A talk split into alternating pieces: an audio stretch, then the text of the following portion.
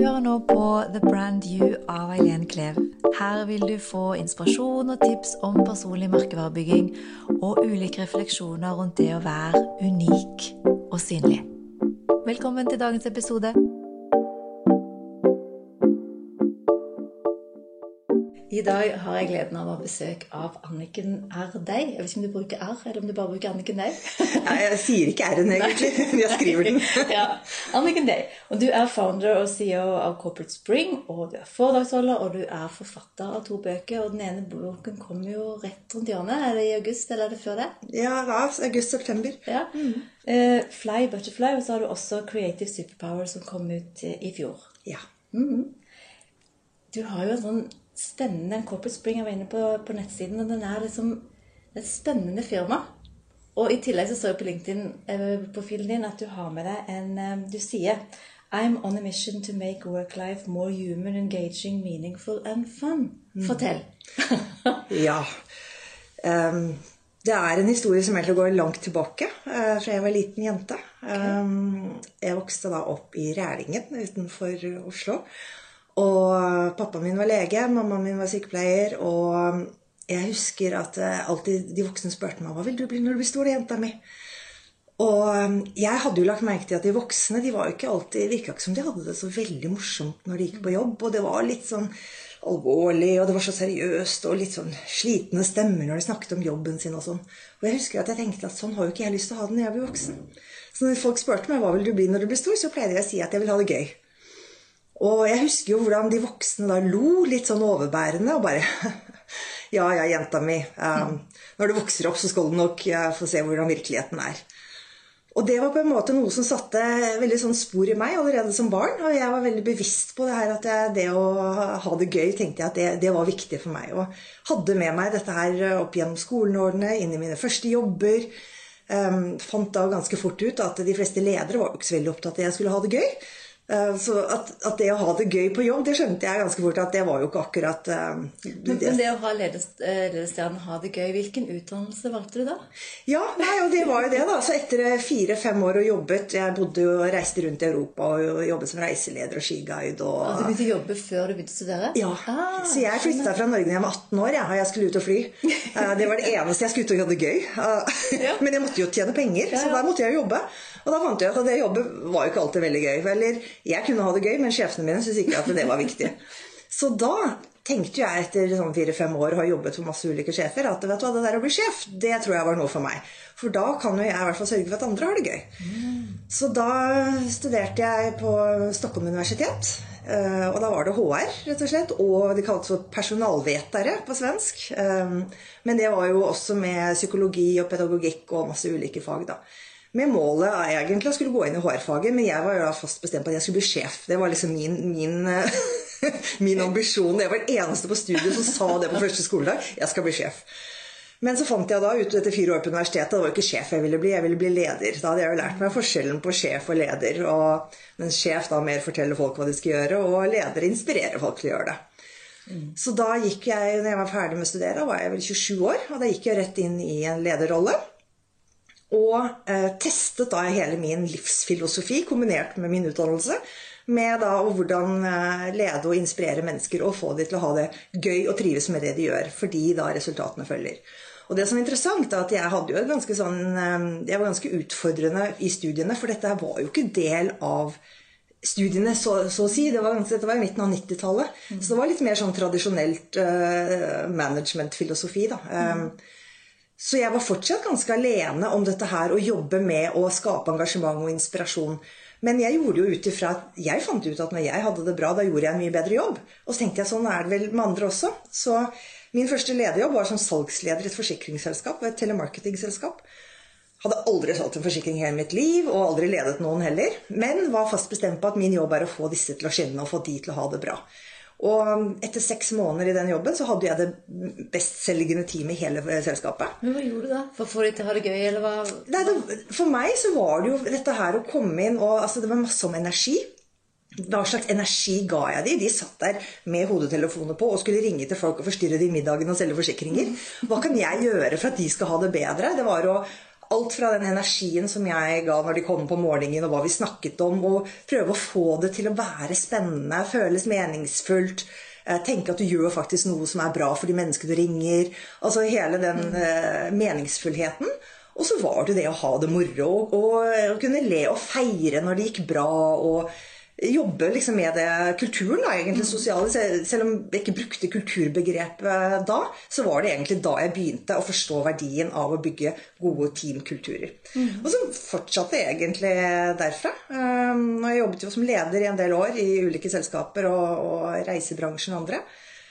Og så ble jeg på en måte dette her med kultur og skape engasjement og få, altså Jeg pleier jo ikke å si det tenne lysene i øynene på folk, for jeg ser at da kommer resultatene som konsekvens. Mm. Det ble på en måte min bane og min passion, og det var jo tilbake til min seks år gamle jeg. Det var jo det jeg ville. Og ikke bare ha det moro sjøl, men også hjelpe andre å ha det gøy. Mm. Mm. Og nå var det du fant at du skulle hoppe av det å være ansatt og starte ditt eget? Du, det, jeg hadde jo mange år i corporate før det. Jeg hadde jo en fantastisk jobb. Jeg jobbet jo i Tandberg som kultursjef uh, i åtte år. Og deretter så ble vi kjøpt opp av Cisco, så var jeg i amerikanske Cisco med 60 000 ansatte i tre år. Så jeg hadde jo vært i da corporate-verden, eller altså bedriftsverden, i uh, 15-16 år. Mm. Um, og så var det jo dette her at jeg så behovet uh, langt utover de selskapene jeg jobbet i i at dette her med forståelse for verdien av kultur, verdien av å skape engasjement, eh, kunnskapen om hvordan man gjør det i praksis, den var nesten ikke-eksisterende. For jeg var ute og holdt masse foredrag og opplevde jo veldig sånn ja, men hva, Hvordan gjør man det? Og, og, men også veldig masse 'hvorfor er dette viktig?' Som kanskje overrasket meg enda mer. fordi eh, jeg trodde jo verden hadde kommet lenger enn hva den hadde gjort. Eh, og så ble jeg egentlig så engasjert og drevet av det at jeg tenkte at dette her vil jeg. altså Dette er hva jeg vil gjøre.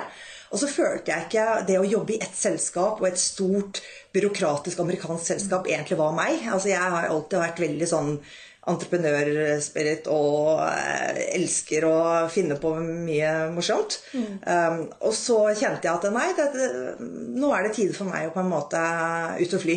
Mm. Og se hvordan det går. Og jeg hadde ikke noen plan, jeg hadde ingen strategi. Jeg bare egentlig hoppa. Alle syntes jeg var gal. fordi at liksom var, Alle sier 'ja, hva er planen din', og 'hvordan har du tenkt gjennom', og alt det her. Jeg hadde jo ikke det. Det var bare sånn at eh, jeg var litt sånn Jeg var ferdig med, med det jeg gjorde. Og så var jeg klar for noe nytt. Og det nye så jeg ikke noe annet sted enn at jeg skulle skape det selv. Og, og da gjorde jeg det.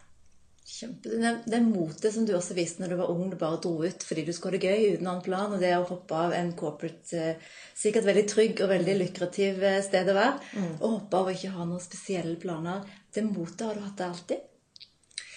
Ja, noen kaller det galskap, da. Så det kommer jo an på hva man kaller det. Men, men ja, vet du hva. Altså, for meg så nesten Jeg kaller det ikke engang mot. Det er en drivkraft som er større enn meg. Altså Det er noe at jeg, jeg er litt sånn Jeg bare må gjøre det.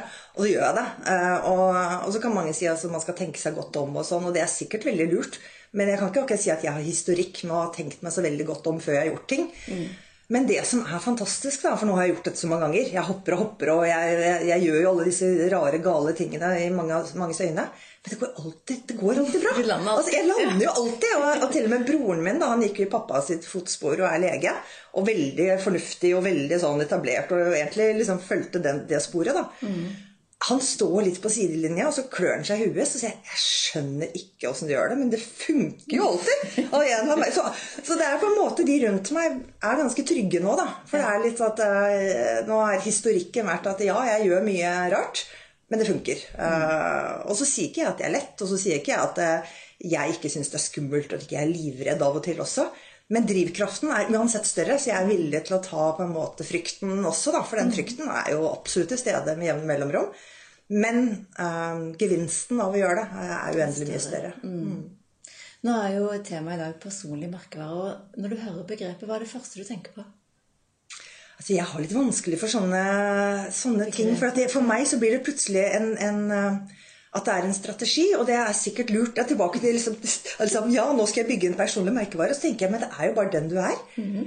er du, den du møter opp som hver eneste dag, blir din personlige merkevare. Og så kan jeg si at jeg vil gjerne fremstå veldig fornuftig og veldig liksom Ja, men om ikke jeg altså, Men det er jo ikke merkevare, for det er jo en, helt, en fasade som ikke er sann. Ja, ja, ikke sant. Ja, så det er vel det. Så, så, men jeg har sett altfor mange som prøver, og det kan være selskaper eller det kan være personer, og har veldig sånn bevisst forhold til det.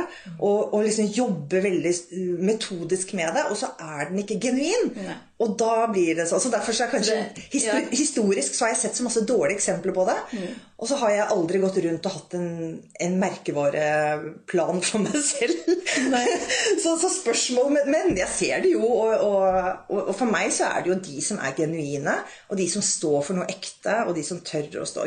Mm. Det, det blir jo merkevaren deres. Eh, om de har bygd den bevisst eller ikke, det vet jeg ikke. Men eh, ja. Nei, jeg tror du har helt helt rett. Jeg tror eh, Man kan si det som det er noe som heter merkebygging, og så er det noe som heter fasadebygging.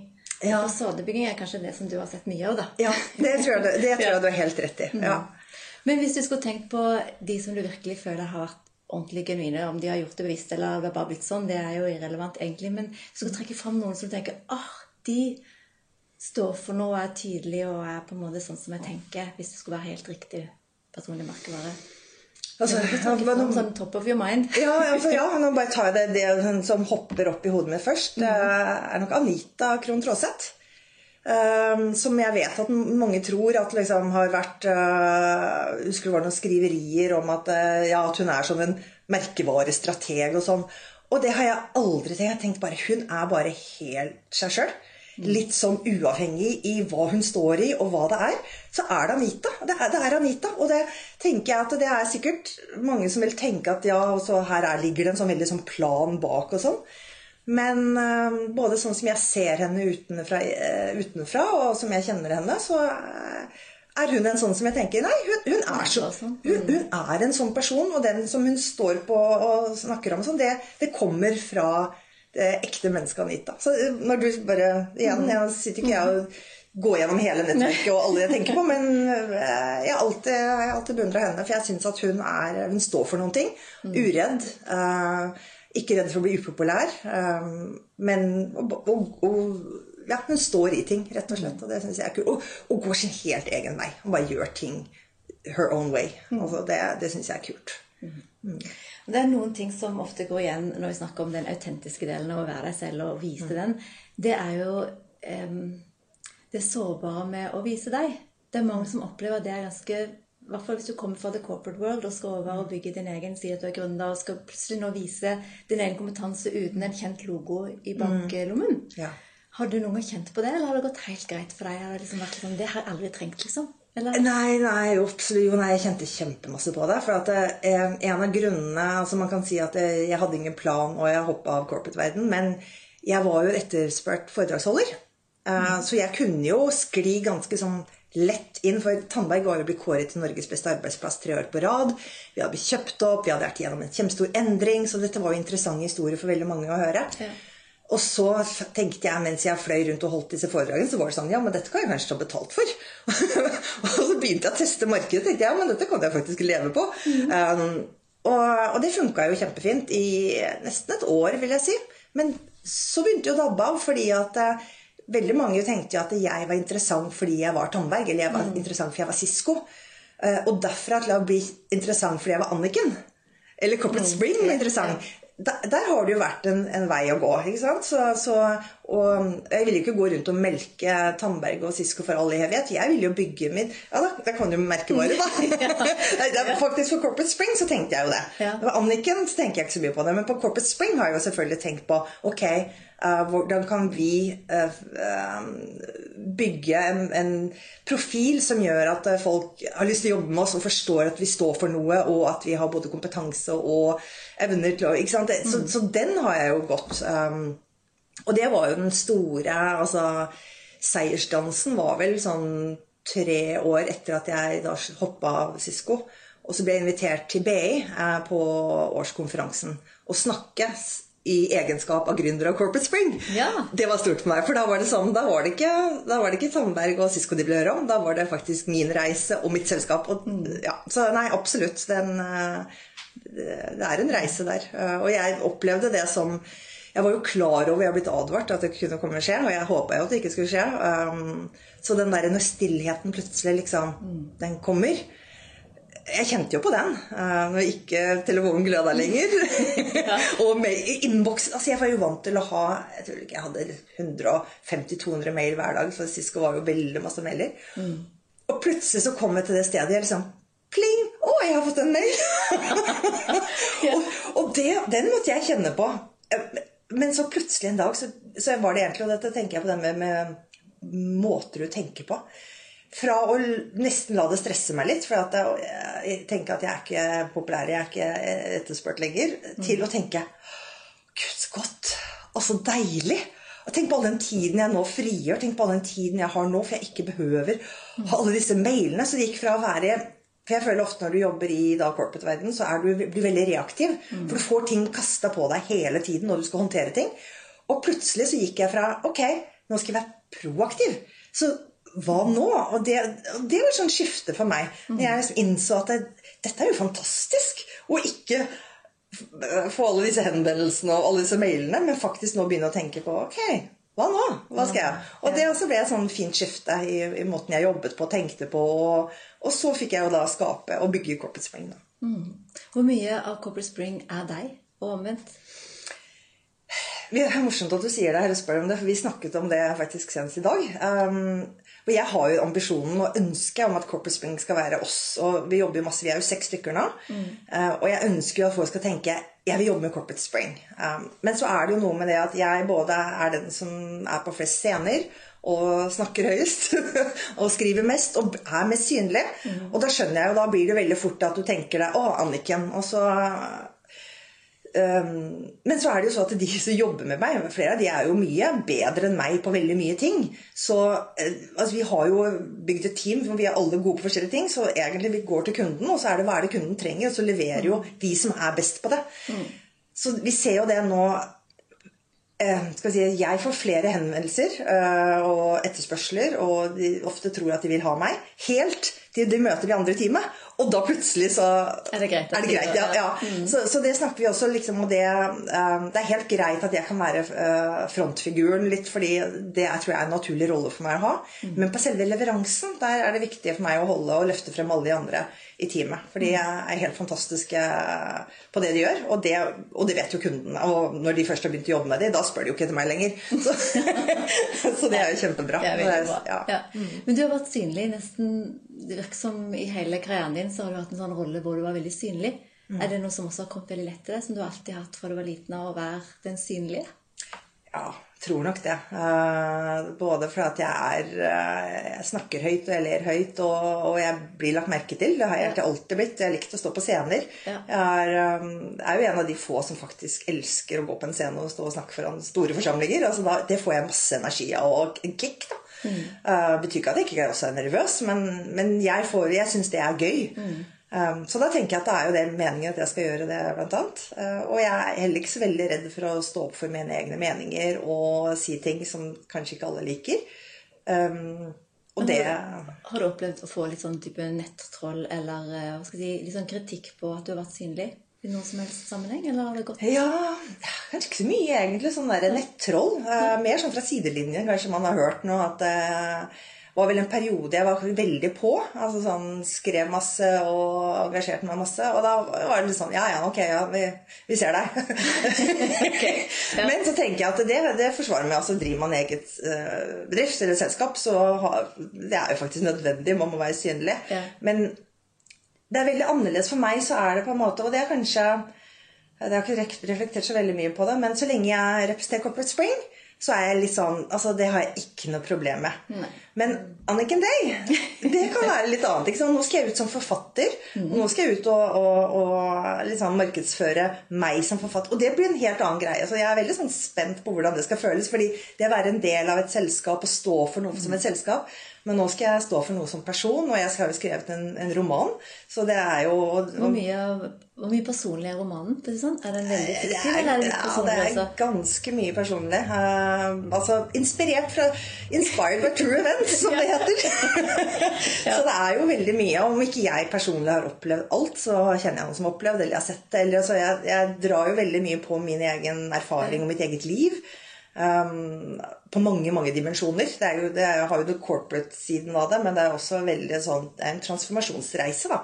Det er The Butterfly, ikke sant? metamorfose. Så det er jo en kvinne som går gjennom fra corporate og eh, går gjennom en ganske ja, skal vi si både dyp og uh, viktig reise. Som, for at hun skal kunne bli det mennesket hun trenger å bli for å spille den rollen i som leder som hun trenger å være. Um, så, så, sånn sett så er jo masse paralleller til eget liv og masse personlig Denne, den boken er veldig veldig viktig for meg. Dette her er liksom, dette er babyen min. altså Uh, og det at babyen min skal ut og fly, det er jo Det er utrolig ja. skummelt, men veldig veldig spennende. Mm. Ja.